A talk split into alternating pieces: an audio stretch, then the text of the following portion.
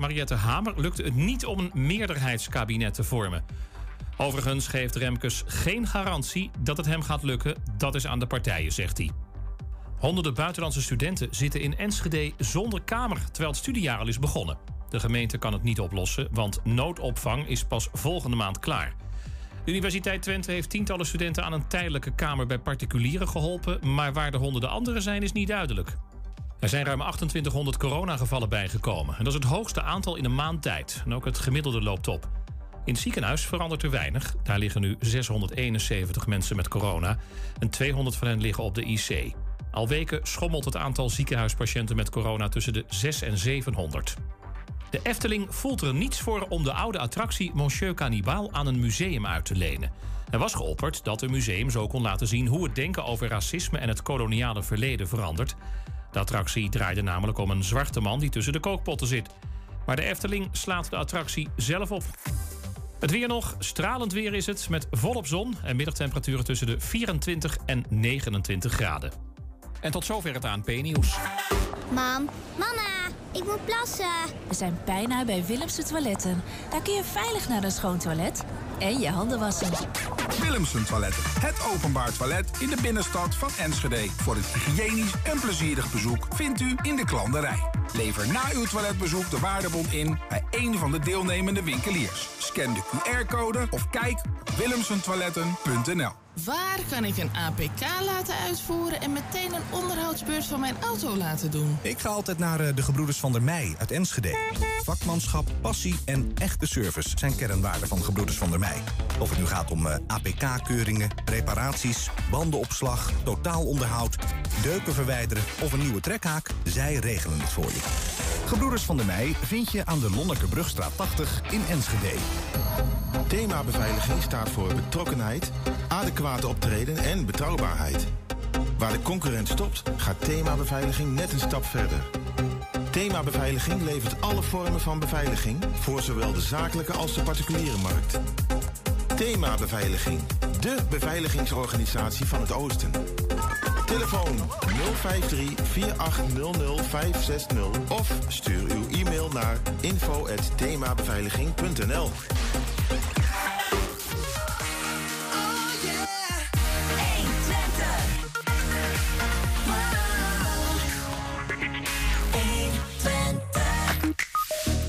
Met een eh, speciaal ontwikkeld bomenboekje gaan we op jacht naar slechte bomen in Enschede. Hengelo start de jacht, als we toch bezig zijn, naar een nieuwe stadsdichter.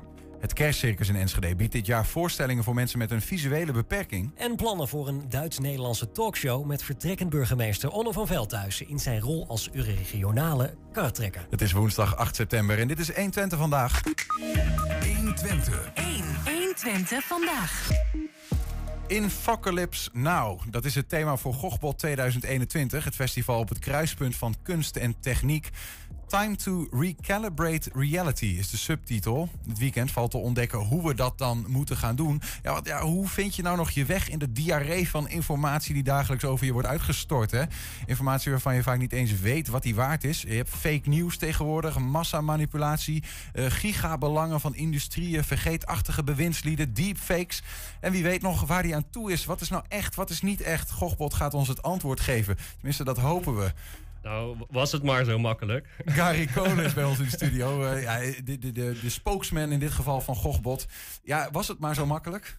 Ja, nou, je zegt, uh, je, je vat het heel erg goed samen. Het is echt een informatiediarree. Uh, als wij met onze vingers konden knippen om dat probleem op te lossen, van die uh, informatie-apocalypse eigenlijk, die inf infocalypse waar jij het net al over had, uh, wat het thema van uh, Gochbot van dit jaar is. Ja. Als, we die, als we die zouden kunnen oplossen, dan, uh, dan zouden we dat heel erg graag doen. Maar dat is een proces wat, vrees ik, nog jaren en jaren gaat duren. Maar heeft Gochbot daarin een soort van ja, streven? als in, je kunt natuurlijk zeggen, wij helpen mee om een weg te vinden in die diarree. Of je kunt zeggen, ja, wij stellen gewoon vast dat er een diarree is en dat die misschien alleen maar erger wordt. Uh, zo negatief uh, zien we het zeker niet. Uh, maar je moet ergens beginnen, weet je wel. Je moet op een gegeven moment moet je zeggen... oké, het is nu de tijd om bewust te worden van die enorme informatiestromen... die ons van alle kanten de kop in knallen. en hoe gaan we die ontleden en een beetje orde scheppen... in die totale chaos die er op dit moment heerst. Mm -hmm. en Gochbot helpt daar inderdaad bij. en eigenlijk, je moet het een beetje zo zien... dat we op dit moment zien we dat er enorm veel polarisatie is in de samenleving. Eh, er zijn mensen die echt compleet verschillende waarheden aanhangen. En eh, daar ook echt naar handelen. Kijk even naar de kapitoolbestorming in Amerika. Dat was gewoon compleet crazy wat daar is gebeurd. Alleen maar omdat een aantal mensen eh, met bepaalde informatie in aanraking kwamen. En daar dus ook naar handelden uiteindelijk. Dus het is gewoon heel erg urgent op het moment. En als we nu niet beginnen, waar eindigt het dan? Is dit, is dit thema ook eh, eigenlijk gewoon van afgelopen jaar ontstaan? Want corona heeft wel meer dan ooit, en misschien wel dit soort verkiezingen en zo, Ja, meer dan ooit duidelijk gemaakt ja. dat deze infocalypse eraan komt. Of er is, hè? Ja, nou ja, ja, als we niks doen, dan, eh, dan, zal, de, dan zal de complete informatievoorziening helemaal instorten. Dus we zijn nog op tijd, dus kom allemaal naar Gochbot, dan, eh, dan kan je helpen. Eh, maar klopt, corona heeft het wel echt eh, eh, erger gemaakt eigenlijk. En ik weet niet hoe dat dan komt. Misschien dat mensen meer thuis zijn en meer op zoek gaan naar die verschillende bronnen van informatie en daar ook mee geconfronteerd Maar ik, worden. even, ik sla aan op wat je zegt over Gochbot, van ko- kom, kom allemaal, dan kun je helpen. Is dit wel iets wat, wat een soort van gedragen missie Ja. is bijna dit jaar of zo? Ja, ja het is, dat is wel het, is het streven. We werken ook met meerdere partners samen. We staan ook bijvoorbeeld op de Oude Markt. Daar hebben we een olieboorplatform nagemaakt. Eh, en daar zit Extinction Rebellion, die zit daar. En hun motto is ook eh, tell the truth. Ehm, met het idee van... Ik, ja, ik zie Ja, maar dat is natuurlijk meteen interessant, hè? Want Extinction Rebellion is weer een soort van, ja, is, is een politiek-activistische beweging bijna. Ja. die baseren hun gedachten ehm, op uitspraken van wetenschappers. Ja, waarvan ik ook mensen ken die zeggen, nou, ik weet niet of die Ah, uitspraken wel helemaal eh, juist geïnterpreteerd worden of überhaupt juist onderzocht zijn. Dat klopt. Dat is, ik bedoel, kijk, het is heel erg makkelijk om te zeggen. Wetenschap is natuurlijk heel erg eh, een ingewikkeld fenomeen. En ik denk waar het ook vaak fout gaat daarin, is dat als je een wetenschappelijk artikel hebt of een onderzoek hebt, dan moet je dat op een bepaalde manier vertalen voor mensen die daar minder verstand van hebben. En dat doen ook journalisten. Misschien wel mensen zoals jij, die dan eh, iets interessants lezen en dat in een paar catchy zinnen eh, willen delen met mensen. Maar je ziet dat daardoor heel erg veel ruis ontstaat. En ik bedoel, of, Extinction Rebellion maakt zich hard voor eh, de waarheid over klimaatverandering en de klimaatcrisis, waar we eigenlijk gewoon op dit moment al middenin zitten. Mhm. Dus eh, eh, mensen die zeggen dat dat niet waar is, daar moet, daar, wij vinden dat je daar een gesprek mee aan moet gaan om ervoor te zorgen dat daar een soort van middenweg in wordt gevonden. eh, omdat we wel van mening zijn uiteindelijk dat er gewoon een groot probleem is met het klimaat. Dus Maar dat is wel een standpunt wat we innemen, inderdaad. Ik, ik snap hem, maar uiteindelijk gaat... Ja, we zijn natuurlijk allemaal, allemaal, aan, bij alle kanten van het spectrum... naastig op zoek naar dat wat te vertrouwen is. Wat is nou objectief, waar en... eh, Ja, dat. Kan een kunstenaar of een techneut ons helpen om dat aan het verstand te peuteren... of om een richting op te eh, komen met z'n allen of zo in deze moeilijke tijden, wat dat betreft? Nou ja, het is in ieder geval heel belangrijk om die polarisatie die je nu ziet, om die, om die, om die proberen zo eh, te verminderen in ieder geval. Eh, want de, soort van de twee kampen, of meerdere kampen die er nu zijn, die zijn eh, heel erg extreem en die staan echt lijnrecht tegenover elkaar. En daar kunnen kunstenaars kunnen daar natuurlijk bij helpen door dat debat meer te kaderen en de thema's waar het over gaat een beetje open te breken. En bijvoorbeeld, als jij bijvoorbeeld deepfakes hoort, dan denk jij waarschijnlijk in eerste instantie, daar kan je allemaal gevaarlijke dingen mee doen. Als je het over deepfakes hebt, Ja. we hebben een Ja. voorbeeldje. Een voorbeeldje, oké. Ja, dat is een mooie brug. Eh, eh, een voorbeeldje vanuit Gochbot dit, dit weekend.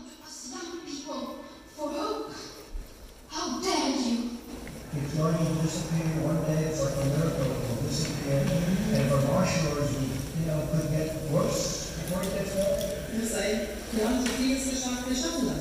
Wir schaffen das. Waar kijken we naar, eh, Gary? Nou ja, eh, Obama is denk ik wel herkenbaar. Eh, de mensen die je daar links van ziet, dat zijn bezoekers eh, aan deze installatie. Deze installatie is te zien in het Rijksmuseum. Eh, een van onze partners van dit jaar, waar we ook een langdurige tentoonstelling organiseren. Eh, tentoonstelling opent eh, eh, vrijdag. Van een vrijdag kan je hem bezoeken. En in deze installatie eh, zie je eigenlijk celebrities of bekende politici eh, die in beeld zijn. En als je daar die installatie binnenstapt, dan wordt er een scan van jou gemaakt, dus als, als bezoeker. En dat is eigenlijk wat je op die andere twee schermen ziet. Dus dat zijn gewoon eh, random bezoekers die ook in de installatie aanwezig waren. Dus in feite wordt er gewoon on the spot wordt er een deepfake van jou gemaakt. Van jou gemaakt. Exact, ja. En het is Ja. alsof jij Greta Thunberg Ja, exact, bent en die exact. uitspraken doet. Ja, ja. En dit gebeurt dus allemaal in real time. Dus dit gaat allemaal heel erg snel. Dus dan, het, is, het is een heel... Ik bedoel, vraag me niet hoe het precies werkt. Dat is allemaal ingewikkeld met artificial intelligence en algoritmes. Eh, maar dat gaat echt heel erg snel. En, en dit, dit, Ik dacht, weet je, even, voor, even om te duiden hoe interessant dit is. Ik dacht eerst dat het andersom was. Je dacht dat het andersom Ja, was. ik dacht even van, van, van hè, ze, ze hebben, je, laat die, je laat Trump bewegen, zeg maar. Maar hij laat jou bewegen. Ja, dus laat laat even zien hoe, bewegen. hoe, Ja. hoe slecht de echten van de neppen te onderscheiden zijn in dit bedoel- geval. Ja, en eh, het is eigenlijk een soort van reverse deepfake is dit natuurlijk. Eh, maar inderdaad, dit is, bedoel, jij doet tegelijk de, de mimiek van Trump, die doe jij na. En, en, en is het terecht om te vragen, wat wil nou die kunstenaar hiermee zeggen? Of is dat een, moeten we die vragen niet stellen als het om kunst gaat? Is het gewoon wat het is? Eh, het is altijd wat het is, maar er zit natuurlijk wel een laag onder van, oké, je, leert, je, leert, eigenlijk kennis eh, maken met die technologie en je ziet in de praktijk hoe die wordt gebruikt en eh, wat je ermee kan doen. En het idee daarachter is natuurlijk wel, oké, als je dit weet, hoe kan je dit dan gebruiken in je dagelijks leven voor als je met bepaalde informatie wordt geconfronteerd? Maar nu word ik, als ik hier ben geweest, Kari, dan, kom ik, eh, dan kom ik thuis en dan ben ik nog dieper in die diarree beland. Hè? Dat weet je wel. Ja, maar het is, dat is, dat is niet per se erg om daar dieper in te belanden, als je maar leert zwemmen, toch? Ja, nee, Ja. true. Oké, maar ik leer de diarree herkennen om me heen. En Ja, ik ga me steeds- misschien wel steeds meer denken van ja, ik weet gewoon, ja, ik hou deze tafel maar vast. Maar want ik je weet hoeft niet dat bang die- te zijn. Dat hij echt is. Nee. Je hoeft, nee, je hoeft niet bang te zijn. Ik bedoel, als je, bedoel, je moet altijd natuurlijk gewoon, eh, je moet altijd wel kritisch blijven. Dat is inderdaad heel erg belangrijk.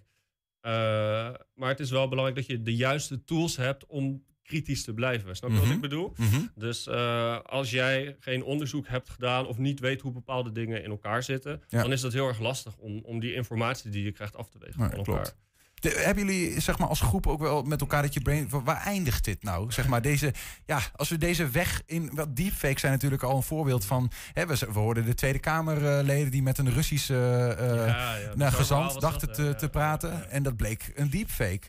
Nou ja, als het zo verder gaat, dan wordt het samenleven toch ook wel weer... Ja, en eh, ja, dat bedoel, dat is, dat is ook de, de, de inzet van het festival natuurlijk om ervoor te zorgen dat we daar een beetje een halt eh, toe kunnen roepen. Ja. En eh, eigenlijk is het, je wil niet dat die informatie compleet losgeslagen raakt en eh, dat er alleen nog maar een bepaald klein groepje mensen is die daar controle over heeft en weet wat bepaalde dingen betekenen of hoe bepaalde dingen werken.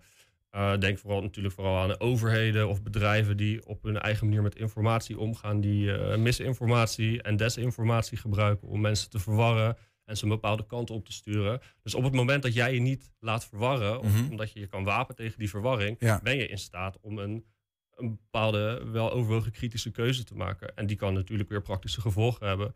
Zoals bijvoorbeeld niet het kapitool bestormen. Weet wat je ziet. Ehm, overigens zit bij de kapitoolbestorming nog weer een ander, andere verhaal natuurlijk. Want dat zit ook deels weer ja, een politiek gedachtegoed achter. En of dat dan waar is of niet. Hè? Klopt, maar dat wordt wel gestimuleerd door algoritmes en kunstmatige intelligentie. Ja. En dat is eigenlijk altijd wat erachter zit. Snap hoe je bespeeld wordt door de sociale media bijvoorbeeld. Eh, Ja, da- maar dat is dan misschien weer. De sociale media wordt natuurlijk, bestaat natuurlijk uit algoritmes en geautomatiseerde systemen. En die zorgen ervoor dat je dat kan, op een bepaalde manier kan gebruiken. Dus dat is weer een soort van net een nuanceverschil. Dus als je weet, bedoel, het is goed om te weten, oké, social media kan mij belazeren. Maar het is nog beter om te weten, hoe, hoe werkt die social media precies? Waar, waar baseren die algoritmes zich een beetje op? En wie heeft er iets over die algoritmes te zeggen? En waarom, waarom mag ik daar niks over zeggen? Waarom, precies. eh, waarom heb ik daar Er geen is een interessante over? documentaire over gemaakt. Hè? Hoe heet het ook weer? De, de social... eh, Ah ja, dus, van, ja. eh, ja, ja. Weet even niet. De so, is niet Social social network. Zoiets. Nou ja. Ja, ja. Ehm, we hebben eh, nog twee voorbeelden. Laten we die eh, vooral er ook even bij pakken. Een eh, kunstwerk van Robert Henke met streepjes, codes Ja, dat- en muziek. Ja, even- een- Vertel, wat, wat gaan we daarin Dat is een, dit, is, dit is een samenwerking met het Wilming Theater. Dit staat iets meer af van de thematiek en mag ook een beetje ontspanning af en toe natuurlijk. Hè. Het hoeft niet alleen maar kwijt serieus te zijn de hele tijd. En dit is op zaterdag om 11 uur in het Wilming Theater. En ja, deze gast is gewoon een soort van gekke hackerachtige guy die oude Commodore computers uit de jaren 80 eh, heeft geïnjecteerd met zijn eigen eh, custom-made software. En daar kan hij dus deze gekke audiovisueel, eh, audiovisuele performance mee doen. Is dit onze vriend Julian van Aalderen, of niet? Die Nee? we daar op het podium zien? Ja? Nee, dat is oh, eh, maar Robert die is ook altijd bezig met... eh, oh, natuurlijk was Robert Henke. Ja, die is ook altijd bezig met visual dingen. Nee, dat dacht al. Ja, dus hij gebruikt een aantal van die clips om muziek te maken. En eentje gebruikt hij dan om die, om die eh, beelden te produceren. En eh, ja, dat wordt gewoon een hele vette mind-tripping performance. eh.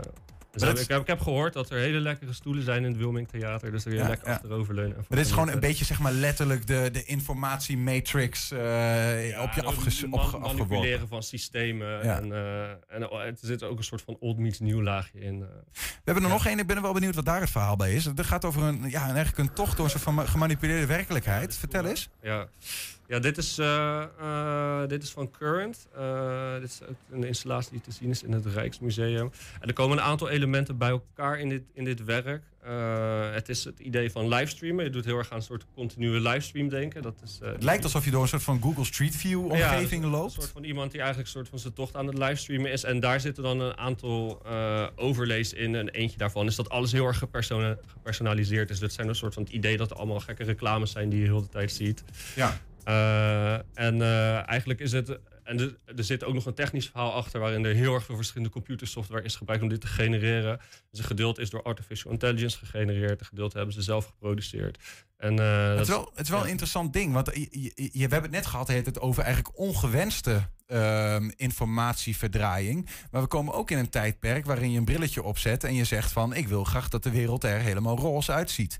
En dan Klopt. kan dat. Klopt. Dat is En- gewenste informatieverdraaiing, om het zo maar te zeggen. Ja, maar daar zit natuurlijk ook alweer een gevaar in. Dus daar moet je ook wel een beetje voorzichtig mee omgaan. Zoals? Nou ja, dus dat, eh, als, je, als je compleet buiten de realiteit leeft. Want je creëert eigenlijk een nieuwe realiteit voor jezelf. Dan kom je, net in, dan kom je weer in hetzelfde vaarwater als waar we het net over hebben gehad. Dat je dus compleet losstaat van, van, van bepaalde eh, objectiviteit. En Ja. eh, ik kan me voorstellen dat dat niet goed is voor je brein. Moeten we die vragen niet stellen voordat dit soort uitvindingen gedaan worden? Of is dat een Ja, dat doen we nu onmogelijkheid? toch, of niet? Nou ja, eh, misschien wel. Maar goed, sommige dingen zijn al, deepfakes bestaan al. Of, of is het zo van, ja, die gaan al eenmaal uitgevonden worden... maar we moeten leren mee omgaan? Ze gaan sowieso uitgevonden worden. Eh, er is ook echt een eh, groot probleem met wetgeving. Die loopt eigenlijk altijd achter op dit soort ontwikkelingen. Dus het zou goed zijn als een keertje die wetgeving daarover iets eerder al geformuleerd zou worden. Of in ieder geval over nagedacht zou worden. Ja. Eh, eh, sorry, wat was je vraag precies? Nou, ik vroeg me af, van, moet je, moet je, moeten we niet, kunnen we dat vooraf ook afvangen? Dat we zeggen van, misschien Ah, ja, moeten we dit niet uitvinden met elkaar. Of is dat, een, is Nou dat ja, helemaal ja, onmogelijkheid? Dat- het gaat er komen en eh, we moeten ermee omzien te gaan. Je gaat het niet kunnen ontwijken. En waar, ik weet ook niet waarom je dat zou willen, want technologie is ook gewoon heel erg belangrijk. Zonder technologie kunnen we ook de klimaatcrisis bijvoorbeeld het hoofd niet bieden. Dat is, wordt een onmogelijkheid. Alles Dus wat- te- technologie is niet per se slecht, maar je moet er wel Precies. op een verantwoorde manier mee omgaan. Ja, alles kan op twee manieren gebruikt worden. Eh, tot slot, wat, wat, is een van de, of nou bijna tot slot dan, wat is een van de werken die jou eh, persoonlijk eh, aanspreekt, raakt? Die, Gochbot? die wij persoonlijk aanspreken. Nou, ik, vind, ik vind ze natuurlijk allemaal even goed. Eh, even kijken hoor. Ja, god, we hebben zo ontzettend veel te zien. Ik kan nog wel heel eventjes iets vertellen over het stationsplein. Dat is misschien wel leuk. Eh, die dopen we om tot een eh, totalitaire mini-staat.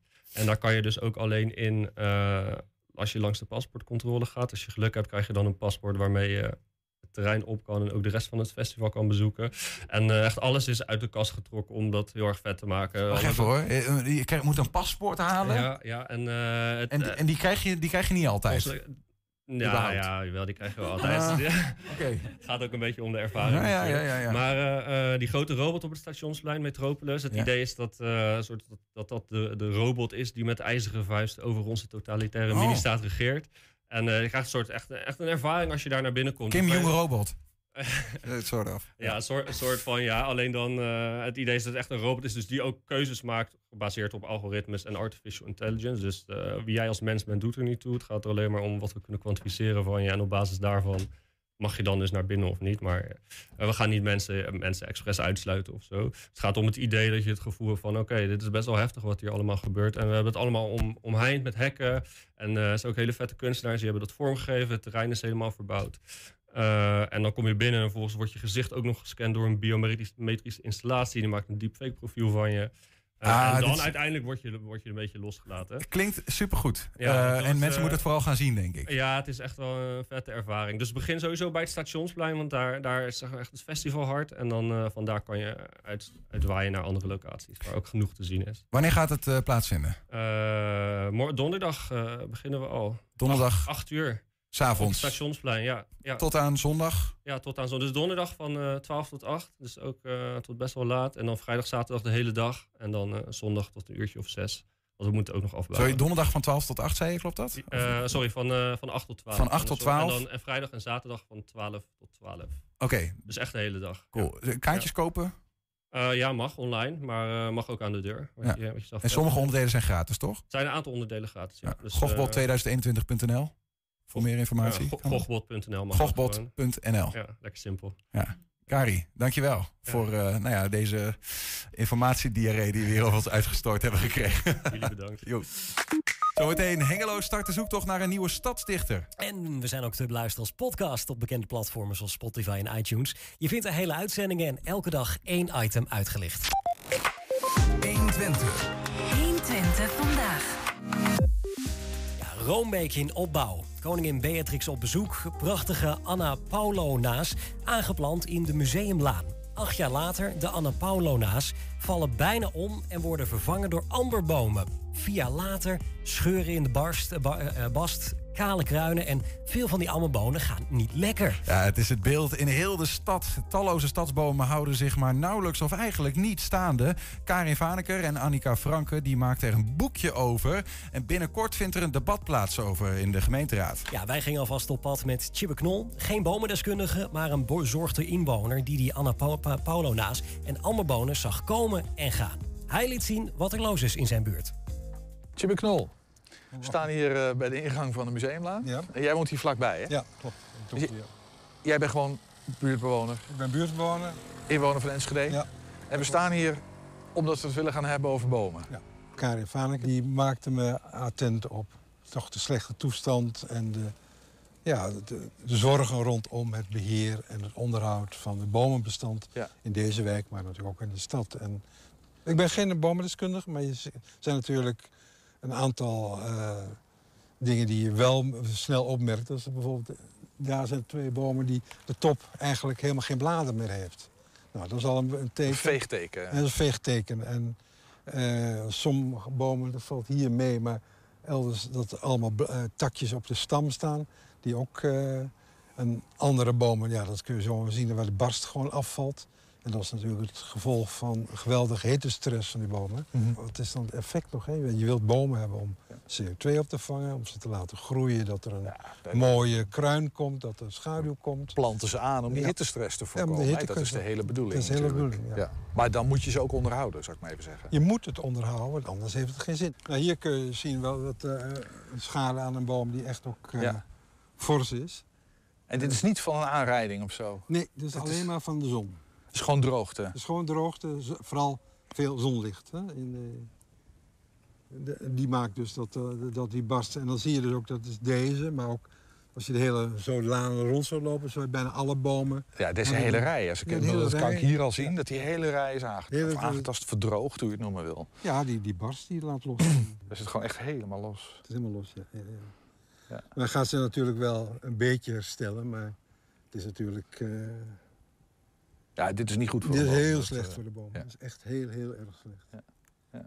En dat geldt eigenlijk voor alle bomen die hier zo in de, in de boomsoeverlaan staan. Ja. Ja, nee. En het lijkt erop dat, daar, nou ja, dat, dat, dat het met de bomenstand dan niet helemaal goed gaat in, de, in de stad. Ja. Nou heeft Karen daar een boekje over geschreven. Hè? Dat heb je, of tenminste ge- samengesteld. Heb je, dat heb je bij je volgens Dat heb ik hier bij me, ja. Dat heb ik hier zo bij me. Dat is eigenlijk best een prachtig uitgegeven boekje eigenlijk. Ja, hè? Ik zie hier al een hoofdstuk hoe herken je een zieke stadsboom. Ja. En jij gaf al aan, hè? Een, een, een, een paar tekenen van nou ja, een kruin die, eh, die, eh, waar geen bladeren meer er aan zitten. Een bast die barst kapot is. die kapot is. Die Schimmel. scheutjes. Scheutjes. Schimmels die in de boom zitten. Ja. En, de, nou, en het, ja, het alg- eh, toch dat, dat je ook wel merkt dat die gewoon niet meer groeit. Dat die eh, stilstaat. Ja. De vraag is natuurlijk waar het aan ligt. Nou, deels aan de bodem. Maar natuurlijk ook... Het is, is en blijft moeilijk om in een stad bomen te hebben. En dat betekent dat je dus heel zorgvuldig en ook goed moet onderzoeken... welke bomen je aanplant. En hoe je dan het beheer ook voert. En alleen maar omdat het mooi is voor de tuinarchitect of de landschapsarchitect. Dat is, Dat is onvoldoende argument. dat is een onvoldoende argument om daar dat soort bomen neer te zetten. Ja. Dat je toch echt eh, Ja. Moeten weten wat een boom aan kan en hoe je hem moet verzorgen. Dan. Ja, want dit, dit, dit is zonde. Dit is gewoon Ik bedoel, zonde. het is een prachtige roestvrij stalen bak zit er omheen. Eh, Ik, op zich, qua beeld is het hartstikke mooi. Daar gaat het in eerste instantie. Maar Dat is niet, eh, ze zijn zo, nou, eh, nog net niet dood, maar veel scheelt het niet. Nee. Wat moet er gebeuren, Chibbe? Nou, er moet een goed, eh, in ieder geval de gemeente moet een goed plan opstellen hoe ze die bomen kunnen behouden. En dat ze dus blijven, ja, gezond blijven.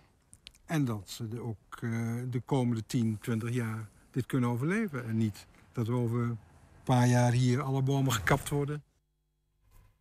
Ja, Oh, dat is een abrupt eh, einde van niet alleen de bomen, maar ook van deze reportage. Ik moet nog even zeggen, het boekje Bomen, Kerkhof, Enschede, daar ging het over. Met de tips en trucs en weetjes en zo is te verkrijgen bij Chibbe Knol, die man die je net zag. knoltl.me.com. En bij Karin Vaneker, zo bekend dat er eh, nader eh, info niet meer is, eh, nodig is. En Allee Rentree, dat is allee.rentree.gmail.com. Kunnen we dit nog even nalezen op onze website? Of? Vast. Nou, bij deze. Straks in december strijkt het kerstcircus weer neer in Enschede. Bij deze editie is er bij de voorstellingen extra aandacht voor mensen met een visuele beperking. En heb je ook een tip voor de redactie? Laat het ons weten via info-120.nl. 120. 120 vandaag. Hengelo zit even zonder stadsdichter. De tweejaarlijkse termijn van Hetty Franke die zat er in april op. En een opvolger is er nog niet. Maar er is goed nieuws. Kandidaten voor een nieuwe termijn van twee jaar kunnen zich vanaf volgende week aanmelden. Aan de telefoon is Hans Hoes. Hij is bestuurslid van de organiserende stichting Hengelo Leest. Goedemiddag. Goedemiddag. Hengelo had al een opvolger van Hetty Franke moeten hebben, toch? Waar- waarom is er nog geen opvolger eigenlijk? Ja, dat heeft wat eh voet in de aarde gehad. En dat komt omdat, eh, ja, gelukkig moet ik zeggen, de stadsdichter weer terug is gekomen op de begroting van de gemeente Hengelo. Omdat die eerst is wegbezuinigd, een paar jaar. Maar eh, die stadsdichter die is nu ook opgenomen in een veel grotere nota, hè, de kunst- en cultuurnota. Eh, waar het maar een klein onderdeeltje van is. Maar die nota, die behandeling van die nota heeft veel vertraging opgelopen. Oké. En, en dat is de reden dat we dus eh, nu al een half jaar zonder stadsdichter zitten. Ja, ik, even, heel even tussendoor. We horen dat de telefoon iets wat stoort. We weten niet zo goed, eh, dat ligt waarschijnlijk aan uw kant. Maar of iets aan gedaan, misschien aan, bij- wat dichter bij een raam gaan staan of wat dan ook. ja, Dan- ik kan, me, ik kan me even verplaatsen en dan ga ik even naar buiten, want ik zit binnen. wellicht, ho- wellicht helpt dat iets. Maar goed, is er ook een reden voor waarom moest worden gewacht op die nieuwe cultuurnota? Ja, de, die nota daar, die gaat vooral over de beeldende kunst. Dat is eigenlijk een, een van de grote pijlers van de nota. En eh, eind december is die nota in de raad behandeld. En eh, nou, die is eigenlijk eh, helemaal onderuit gehaald. Bijna unaniem door alle raadsleden, behalve door de wethouder van Wakeren. Die zijn nog steeds, ik staat als een huis. Nou, de raad was daar niet mee eens. En toen is de nota ingetrokken en de wethouder heeft gezegd... nou, dan gaan wij als BNW in overleg met de raad om te kijken wat er dan anders en beter moet. Nou, dat is een heel proces geworden en dat is nu klaar. Ja. Eh, ik hoop dat die, we gaan er dus vanuit dat die in het najaar ook gewoon aangenomen zal worden. Maar, eh, en, en vooruitlopend daarop, omdat hebben wij vast het groene licht gekregen om eh, de voorbereidingen van de verkiezing in gang te zetten. Oké, dus, maar dat, daarmee weet u eigenlijk al dat er opnieuw structureel geld voor de stadsdichter komt vanuit ja, de gemeente, precies. toch? Ja, want dat, dat stond al in de, in de versie die in december in eh, behandeling is geweest en ook in de aangepaste versie. Dus hij staat weer op de begroting voor een bedrag van nou, 750 euro per jaar. Trekt de gemeente daarvan uit. Dus ja, in feite kunnen wij dus eh, weer ervan uitgaan dat er weer een nieuwe stadsdichter komt. Als er genoeg animo is natuurlijk. Vanuit de stadsdichters in Spee, bedoelt u? Precies, precies. Want eh, ja, de mensen moeten het leuk vinden om gedichten over Hengelo te schrijven. hè. Dus dat is eventjes afwachten. Ja, wat even, eh, je, je, iedereen, Jan en Alleman, kan zich in nou, feite niet, daarvoor niet aanmelden? helemaal. Bij- bijna, bijna Jan en Alleman. Ehm, maar er zijn een paar formele voorwaarden. Je moet in Hengelo wonen. Dus mensen buiten, die buiten Hengelo wonen, dat zeggen van, nou, die hebben waarschijnlijk toch iets minder affiniteit met de stad, weten niet precies wat er speelt. Dus je moet een Hengeloer zijn. Mhm. Het andere is, je moet 18 jaar of ouder zijn. En ja, de derde voorwaarde, dat zei ik net al, je moet graag eh, gedichten willen schrijven die ook iets op de een of andere manier met Hengelo te maken hebben. En kun je dan, want eh, stel ik ben nu aan het luisteren en denk, nou, dat is misschien wel wat voor mij. U zegt net 750 euro per jaar. eh, kun je- Ja. wat, wat, wat, kun- wat kun je daar eigenlijk mee doen? Met dat bedrag, ja, dat, dat bedrag moet je zien als een vergoeding eh, voor het aantal gedichten dat je minimaal geacht wordt te schrijven. Dat zijn er acht per jaar. Als je er meer wil schrijven is dat hartstikke leuk, maar dat is een beetje een, eh, het richtbedrag voor in elk geval een, een, een- klein aantal gedichten per jaar. Ja, ja. En eh, als je iets anders wil doen, een bepaalde activiteit op eh, poëtisch gebied wil organiseren, dan moeten we daar als Hengelo Leest apart subsidie voor aanvragen. Het Mhm. kan, maar dan moet je even afwachten of het gaat lukken. Ja, precies. Ja. Waarom is het eigenlijk belangrijk? De- waarom geeft het, het college of de gemeente Hengelo die 750 euro? Het moet nog wel door de gemeenteraad, geloof ik, maar even daarvan uitgaand. Waarom is zo'n stadsdichter nou belangrijk voor zo'n stad? Nou, Stadsdichter is het toch ook een instituut dat eh, ja, bijdraagt aan het culturele klimaat van de stad. En als hij, als hij of zij zijn werk goed doet, hè, met mooie gedichten, dan is het ook een verbindende eh, factor. Eh, je kunt met een gedicht kun je op met bepaalde woorden, zinnen, kun je iets ja, tot leven roepen wat zeg de gewone burger niet zo gauw, waar die niet zo gauw zou opkomen. En als hij het leest, zegt hij ja, dat klopt, dat vind ik mooi gezegd. Zo denk ik er ook over. Of hé, hey, dat had ik niet gedacht en ik vind het eigenlijk wel, wel mooi verwoord. Hè? Dus op die manier draag je toch een beetje op jouw manier poëtisch een steentje bij aan het culturele klimaat van de stad. Ja. Als mensen nou meer willen weten over de, de gang van zaken rondom die verkiezingen, hè, is er dan een, een plek waar ze terecht kunnen, een website of iets er- dergelijks? Er, er zijn twee, twee plekken. Wij organiseren dat samen met eh, de bibliotheek van Hengelo. Eh, alle voorwaarden, het hele reglement van de verkiezing, die zijn te vinden op eh, ofwel de website van Hengelo Leest.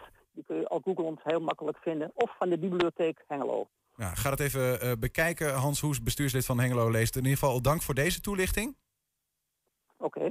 En als mensen er nog geen genoeg van hebben, zaterdagochtend ben je nog te gast in het programma Goedemorgen Hengelo op 120 Hengelo om ook nog meer te vertellen. Ja, we moeten, het, we moeten het hier even bij laten. We merken dat de verbinding zo stoort dat het, Oh. eh, ja, dat het moeilijk Dat is is om, eh, om het gesprek nog op deze manier. eh, maar goed, Oh, dat is jammer. gelukkig kunnen mensen daarom zaterdag nog op 120 Hengelo verder luisteren. En ga anders even naar de genoemde websites. Dank u wel. Dankjewel. Ja. Zometeen advocaat Christa Ebbers uit Enschede. Die stelt vraagtekens bij de natuurvergunning. Die is verstrekt rondom de Formule 1 in Zandvoort. 120. 120 vandaag. Ja, van eh, 25 december tot en met 9 januari strijkt het kerstcircus weer neer in Enschede. Er zal groots worden uitgepakt met een internationaal topprogramma. Dat zeggen ze zelf. Dankzij de stichting Komt het Zien kunnen ook mensen met een visuele beperking straks van de voorstellingen genieten. Op welke manier dat kan, wordt vandaag toegelicht op de plek waar het circus straks neerstrijkt. In het Volkspark. Hi, ik ben Bianca. Ik ben Nigel. Ah, wat heb je voor me in de aanbieding? Een, Wat zou ehm, dat zijn? een kist Ja, goed zo. met eh, heel veel kaartjes erin. Ja, klopt. En ehm, er zal vast iets op die kaartjes staan wat ik niet kan lezen. Een illusionist met kaarten en andere voorwerpen. Wij kunnen het allemaal zien en volgen tijdens het circus. Maar voor blinden en slechtzienden is dit niet te doen. En dus begint een voorstelling met voelen. Voor die tijd is er een voerplein eh, tijdens, voor het circus. En het is heel belangrijk dat mensen vooraf weten van... oké, wat voor attributen worden er gebruikt in het circus. Zodat ze ook weten, kunnen weten van wat, wat kunnen wij verwachten. En eh, ja, dat is juist heel belangrijk voor ook de beeldvorming tussen aanhalingstekens. Want ja, een echt beeld krijg je niet, maar je krijgt wel een voorstelling van wat er gaat gebeuren. Na het voelen kan de show beginnen. En dan is het belangrijk dat er iemand goed vertelt wat er allemaal gebeurt. Hij beschrijft dat dan op het moment dat, dat de goochelaar dat doet. Dus het is ook live eh, beschrijving. En die beschrijft dan live van, eh, ja, wat er precies gebeurt en eh, hoe de goocheltruc uiteindelijk eh, werkt. Dus van tevoren gaan ze zich eh, inlezen en, eh, en komen ze even langs om te kijken van eh, ja, hoe of wat. En dan weten ze ook precies wat ze moeten omschrijven. fantastisch. En, en niet alleen aan de zijde van de blinden en slechtzienden. eh, maar er, er zijn natuurlijk veel vrijwilligers bij betrokken. Er zijn mensen vanuit de stichting bij betrokken die voor, die, eh, voor die, ja, die, dat, dat, dat, hè, dat, datgene wat door de koptelefoon wordt verteld, eh, eh, eh, die, die, die zien de, de voorstelling ook al eerder. Maar ook voor ons is het heel bijzonder. Hè, wat ik al zei, met dat, ja, met dat voelplein. Je krijgt even een ander contact met je toeschouwer. Nou ja, De olifant! Yes! Het circus komt in december naar Enschede. Blinden en slechtzienden moeten nog even wachten tot januari. Ik ben eh, heel benieuwd. En eh, ja, ik denk dat, eh, dat ik heel veel plezier... of dat weet ik wel zeker, dat ik heel veel plezier aan het circus ga beleven.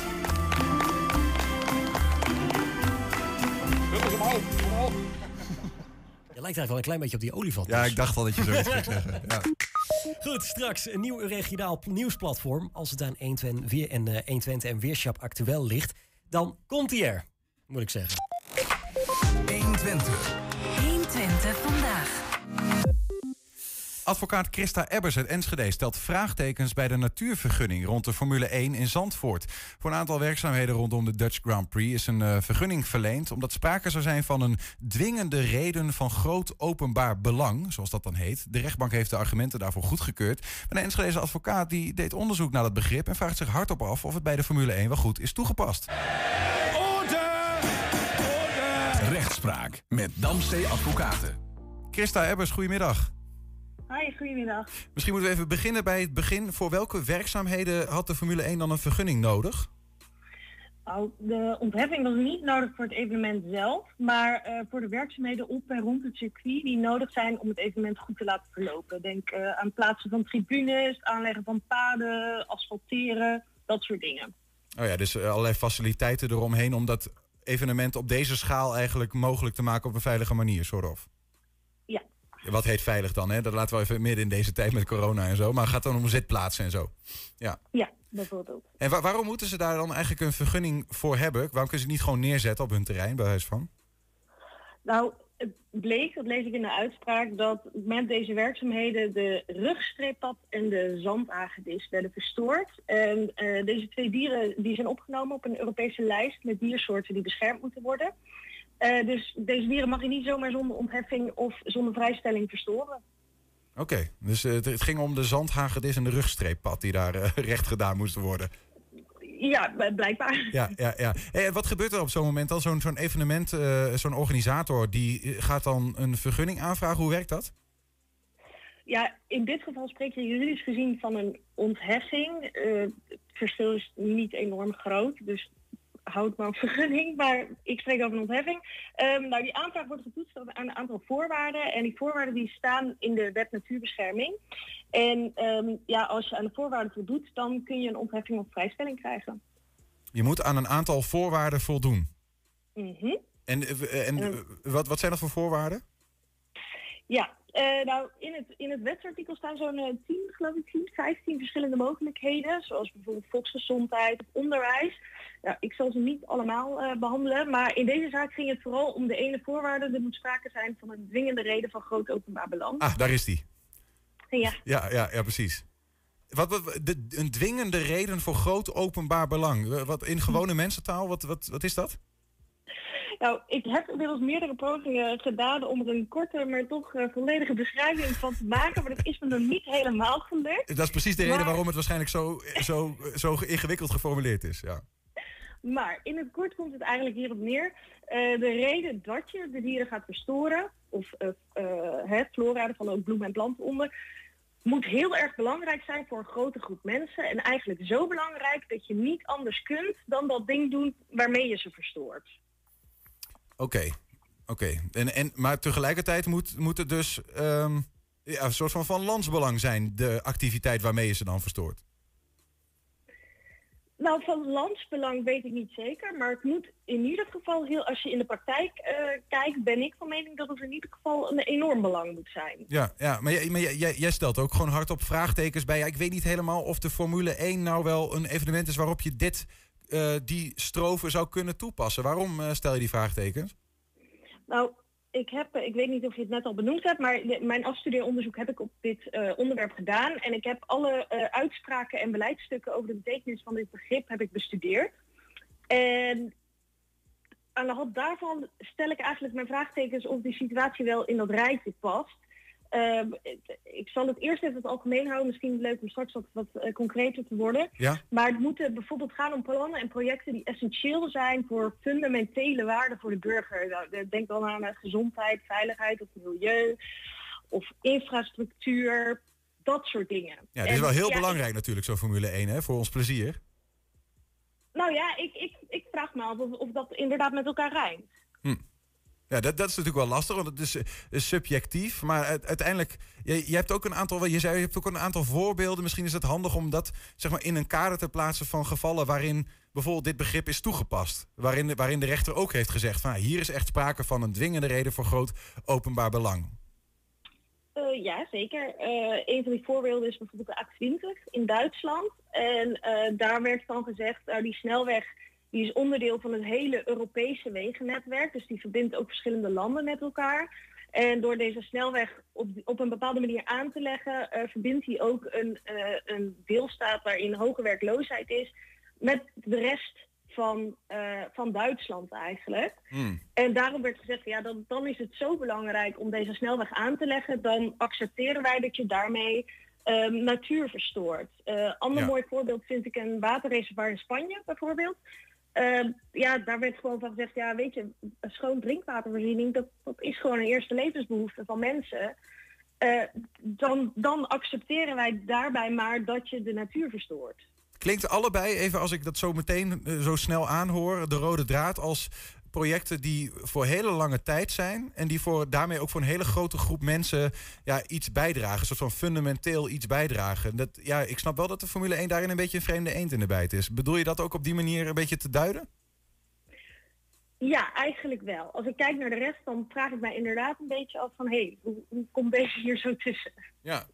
En, en, en als je dan kijkt naar ehm, andere voorbeelden waarin nou ja, eh, eigenlijk het evenement is afgekeurd... of vanwege van ja, hier voldoet eigenlijk niet aan die reden. Je hebt geen dwingende reden voor groot openbaar belang. Ja, dat is misschien ook wel heel interessant. Eh, het ging niet om een evenement, maar het is wel een voorbeeld uit Nederland. Dat was het voornemen om 17 windmolens te plaatsen op de Maasvlakte. En de rechter die heeft in die zaak gezegd, ja, op zich vinden wij de opwekking van duurzame energie heel belangrijk. Eh, maar dat betekent niet dat elk project waarmee je van plan bent om duurzame energie op te gaan wekken, ook een uh, dwingende reden van groot openbaar belang is gemoeid. Mhm. Ja, en je kunt het En- misschien nog op andere plekken doen. Je kunt je windmolenpark ook ergens anders neerzetten, bij wijze van. Nou, bijvoorbeeld op Ja. meer windmolens plaatsen. eh, zeg maar als, in, als het om, om meer windmolens plaatsen. ik heb niet zo voor, voor, voor mijn ogen wat, hoeveel eh, stroom eh, 17 windmolens opwekken. Maar het gaat er in ieder geval om dat het dan energie voor veel huishoudens bijvoorbeeld zouden moeten zijn. Mhm, mhm. En hoe, hoe heeft, de, eh, heeft de rechter dan ook beargumenteerd hoe hij vindt dat dit wel in het rijtje past? En waarom het wel aan ja, deze. het- waarom het wel een dwingende reden heeft, die Formule 1? Ehm, nou, niet helemaal, maar dat heeft misschien meer te maken met de manier waarop eh, de rechters eh, op dit gebied werken. Ehm, de rechtbank is namelijk heel terughoudend in de beoordeling. Eh, die gaat niet echt diep in op, op de, bijvoorbeeld de politieke keuzes die zijn gemaakt. Ja. Ehm, de, rechtbank oordeelt eigenlijk alleen, is de redenatie die in dit geval de gedeputeerde staten van de provincie hebben gemaakt logisch en zijn de argumenten redelijk. Het is, het is wel interessant natuurlijk. ehm, eh, de vraag is ook een beetje van, ja, we kennen, we kennen niet, misschien niet die hele zaak of die, die, hele, die hele uitspraak, maar eh, zou het mogelijk kunnen zijn dat er zo'n gekke uitzondering wordt gemaakt? Is dat echt, zeg maar, ja, kan een rechter daarin bijvoorbeeld, zou het kunnen zijn dat je gelijk hebt en dat de rechter eigenlijk een fout heeft gemaakt? Ook echt vragen. Oeh, nou, eh, ik ken te weinig details om, om hier eh, goed te onderbouwen zo verdergaande conclusie over te trekken. Dat, eh, eh, dat vind ik wat te ver gaan. Kijk, in, in een uitspraak lees je natuurlijk niet alle argumenten en onderbouwingen die zijn aangevoerd. Wat ik hierin lees, eh, is dat eigenlijk wordt gezegd, nou ja, het wordt meegewogen, dat de, de Formule 1 is, eh, of de, de, eh, het circuit Zandvoort, daar gaat het om, is een bestaande inrichting. Daarbinnen worden al Formule 1 races gehouden en daar mogen al grote aantallen bezoekers ehm, zijn. En deze werkzaamheden zijn eigenlijk nodig om het circuit weer geschikt te maken voor een groot topsportevenement met veel statuur, grote nationale en internationale belangstelling, grote exposure en een grote economische impuls. Dat is wat ik kan lezen als argumenten die wordt gege- worden gegeven door die dwingende reden van groot openbaar belang. Ja. Dat vind ik te weinig details om te zeggen deze uitspraak klopt of niet. Ja, dat, precies. dat durf ik niet te zeggen. Maar als ik kijk naar de argumenten die ik in deze uitspraak lees en de andere zaken in het verleden die ik ken, heb ik er wel mijn vraagtekens bij of die in dit rijtje zou passen. Wa- wa- waarom eh, vertel je dit eigenlijk, Christa? Zeg maar, want ik, je kunt er bijna een soort van aanname van... Zit, heeft de Formule 1 zoveel macht dat ze zelfs de rechters in de zak hebben? nou, eh, nee, eh, begrijp mij niet verkeerd. Eh, ik vind Formule 1 een hartstikke mooi evenement. Ik heb Ja. ook zeker gekeken. Ehm, wat ik wel belangrijk vind, is zeker omdat je in een democratie leeft, om, om kritisch te blijven op besluiten die gemaakt worden. Precies, dus het is niet zo dat je, zeg maar, stel volgend jaar is er eh, opnieuw een Formule 1 Zandvoort, dat je dan voor de tijd eventjes eh, gaat zeggen van ik eh, dien bezwaar in tegen de vergunning. Wat dat betreft, zeg maar, omdat je voor Formule 1 event wel, niet, omdat je het Formule 1 event een hak wil zetten, maar je hebt wel zoiets van, nou ja, als we regels met elkaar opstellen, dan moeten we ons ook daaraan houden. Nou, dat is vooral mijn punt. Als we de regels maken met z'n allen, dan moeten we daar ons ook aan houden en moet de ICP zich daar gewoon aan houden. Ja, ja, ja. Nee, dankjewel voor, voor het inzicht in eh, deze dwingende reden voor groot openbaar belang. Eh, die, die kende ik nog niet, maar dat weet ik bij deze ook weer. Graag gedaan. Christa Ebbers van de Damstee Advocaten. Tot de volgende keer. Rechtspraak met Damstee Advocaten. 120. 1. 120 vandaag. Ernesto? Ja, wat heb je? Ja, ik moet even. Ik heb net gehoord, ik kreeg net in mijn oortje dat, eh, dat jij helaas eh, deze planeet moet verlaten. Nou, was gezellig. Eh, voor jou is er geen dwingende reden voor groot openbaar belang. Ik ga je niet verder op in. Hey, eh, ander dingetje. Uh, Onder van Veldhuizen vertrekt als burgemeester van Enschede. En daarmee ook als karttrekker van regionale samenwerking. Hoe laat van Veldhuizen die Uregio achter? Wij zijn druk in de voorbereidingen van een talkshow die we daarover gaan maken. Maar dat doen we niet alleen. Het wordt echt een regionaal product. Duitsers en Nederlanders. Nederlander en Deutsche. We leven allemaal in eh, dezelfde regio en toch blijven we vaak op onze eigen helft. En dat ondanks allerlei verwoede pogingen om de landgrenzen uit te gummen en zo ons speelveld een beetje te vergroten. Nou, twee media aan beide kanten van de grens die gaan nu kijken of ze ook een duit in het zakje kunnen doen. Wirtschaft actueel aan de Duitse kant en 120 aan de Nederlandse kant. En we gaan erover praten met uh, chefredacteur van Wirtschaft actueel, dat is uh, Michael Terhust. Oent en uh, onze eigen hoofdredacteur van 120, Henk ten Harkel. Goedemiddag. Goedemiddag. Goedemiddag. Goedemiddag. Uh, Michael, uh, wir, wir gehen das ein bisschen in Niederländisch und Deutsch doen, machen. Um, mein Deutsch ist nicht so, nicht so gut, aber. Oh, das reicht, ne? Wie, wie wirkt das eigentlich in die regionale Samenwerkung? redest du Deutsch oder Nederlands? Also mein Niederländisch ist auch nicht so gut, dass ich permanent Niederländisch sprechen könnte. Insofern, äh, es gibt eigentlich eine gute Tradition in der Euregio-Region und, und, die besagt einfach, dass derjenige, der äh, seine Muttersprache spricht, die auch beibehalten kann.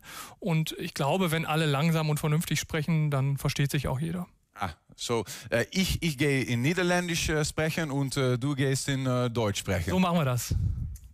Kieken wat wordt. Kieken wat wordt.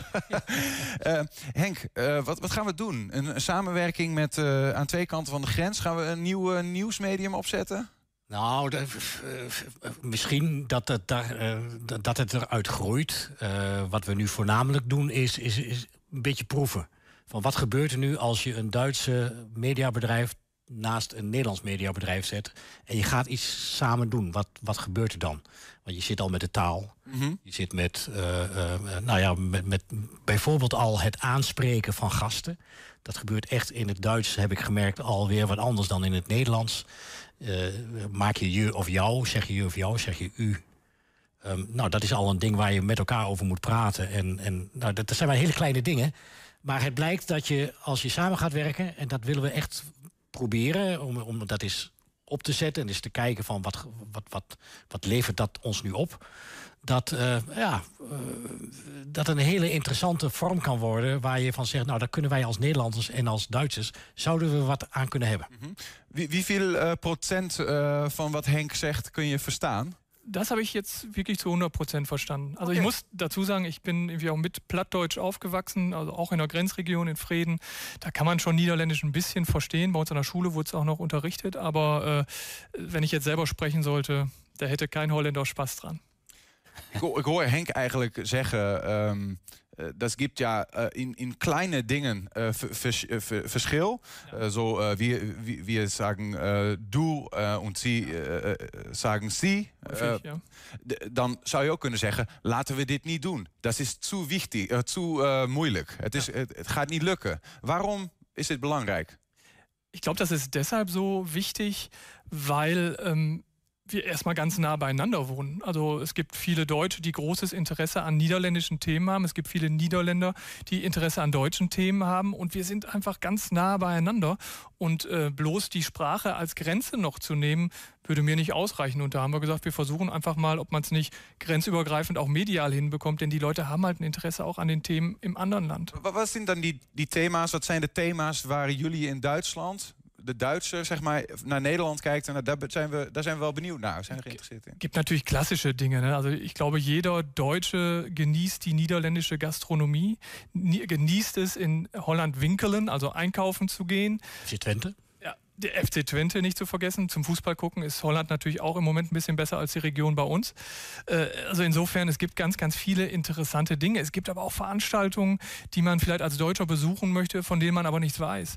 Also insofern, es gibt glaube ich, einen ganz, ganz großen Bedarf, auch den Informationskanal ein bisschen äh, weiter zu öffnen. Die, vragen aan de Nederlandse kant van de grens zou stellen. Wat, wat, wat is nou de behoefte eh, aan deze Ja, kant? ik hoef alleen maar benzine te zeggen. En eh, inkopen bij, vroeger bij Karstad, maar nu in de supermarkt... waar je de spiritualiën kunt kopen voor eh, minder geld dan in, eh, dan in Nederland. De- de- de- dat is basis. Mhm.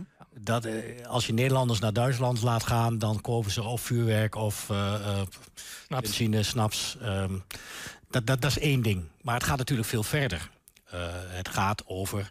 Nou, weten wij bijvoorbeeld dat er in Gronau een, eh, eh, een rockmuseum is? En wat kan dat rockmuseum... is dat leuk om te bezoeken? Mhm. Weten wij dat er een geweldig jazzfest is in Gronau? Weten we dat Münster, wat Münster... eh, Münster is, is in de geschiedenis is onze belangrijkste bondgenoot altijd geweest. Daar, dat wij nu in Nederland op deze manier leven... heeft te maken met Münster, met de vrede van Münster. Dat wij Berend van Galen, eh, dan eh, heb ik het over het his- historisch perspectief... maar Berend van Galen, eh, die werd hier Bom en Berend genoemd... daar hebben wij de, de, hebben we de vruchten van geplukt, van de man. Hoe die in Nederland tekeer ging, maar ook hoe die in Nederland heeft opgebouwd. Ehm, dat is historisch. En nu, ehm, wie komt er niet in Duitsland om eens ook te winkelen in Münster? Eh, wie, gaat, eh, wie werkt er in Duitsland? En wat dacht je van al die mensen die naar Duitsland zijn verhuisd... omdat de woningen daar goedkoper zijn? Dus we hebben zoveel connectie... dat er ergens... ehm, en en we, wat we nog nooit voor elkaar hebben gekregen is... dat we die connecties, die, die, die aandacht voor elkaar... dat we die ehm, geïnstitutionaliseerd hebben. Dat we gezegd hebben... hé, hey, eigenlijk moeten we iets hebben... waardoor mensen die aan de grens wonen... en die, eh, eh, die informatiebehoefte hebben... dat we dat uit kunnen wisselen. En wat, wat moet het dan worden, Michael? Eh, wat, wat, wat, waar wordt aan gedacht? Echt één platform waar we ni- nieuws op gaan zien? Dat in de regio? Of is dat nog helemaal niet zo? Äh, An dem Punkt sind wir noch gar nicht. Wir haben für uns entschieden, wir wollen einfach erstmal irgendwo mit anfangen. Und es gibt äh, in der kommenden Woche eine kleine Sendung, die wir dazu geplant haben, am 14. September, anlässlich des Ausscheidens des Enschedeer Bürgermeisters Ohne von Feldhausen, wo wir gesagt haben, komm, dann lass uns doch mal eine gemeinsame euregionale Fernsehsendung drehen mit Ohne von Feldhausen als Gast, anderen Gästen, deutschen und niederländischen Gästen, wo man einfach mal ein bisschen schaut, wie das Zusammenbringen dieser Informationskanäle schon funktionieren kann, wo man einen guten Aufhänger hat, journalistisch, der sicher auf beiden Seiten der Grenze für großes Interesse sorgt. Zo, een, mo- een mooi bruggetje. Eh, de- de- de- een eerste soort van proefballon. Hè, aankomende dinsdag eh, van Veldhuizen, de Enschede burgemeester die afscheid neemt. Ehm, wat gaat daar eh, gebeuren? Welke gasten gaan we daar bijvoorbeeld zien? En wa- waar gaan we het over hebben eigenlijk? Eh, nou ja, Onno van Veldhuizen is hier binnengehaald eh, ooit met, met tromgeroffel en gezegd... hij gaat zorgen dat de Duits-Nederlandse samenwerking tot ontplooiing komt. In hem wordt het ook heel concreet, hè? want hij is half Nederlands, half Duits, toch? Ja, ja, ja hij heeft een, een, een- ik dacht een Duitse moeder. Ja, Mutter, glaube ich, deutscher Ja. Vater, habe ich auch gehört. Eh, hij heeft gestudeerd in Duitsland, hij heeft daar zijn doctoraal eh, gehaald. Hij heeft dus ook heel veel met Duitsland. Ja. En hij is, nou ja, er zijn er meer, maar hij is een van de ambassadeurs van de Duits-Nederlandse samenwerking. En hij heeft getracht in die zes jaar dat hij hier eh, burgemeester was, en nog is trouwens, ehm, om die samenwerking gestalte te geven. Daar heeft hij heel hard voor gewerkt. En ehm, een van zijn kreten is: ik wilde de, de grens weggummen.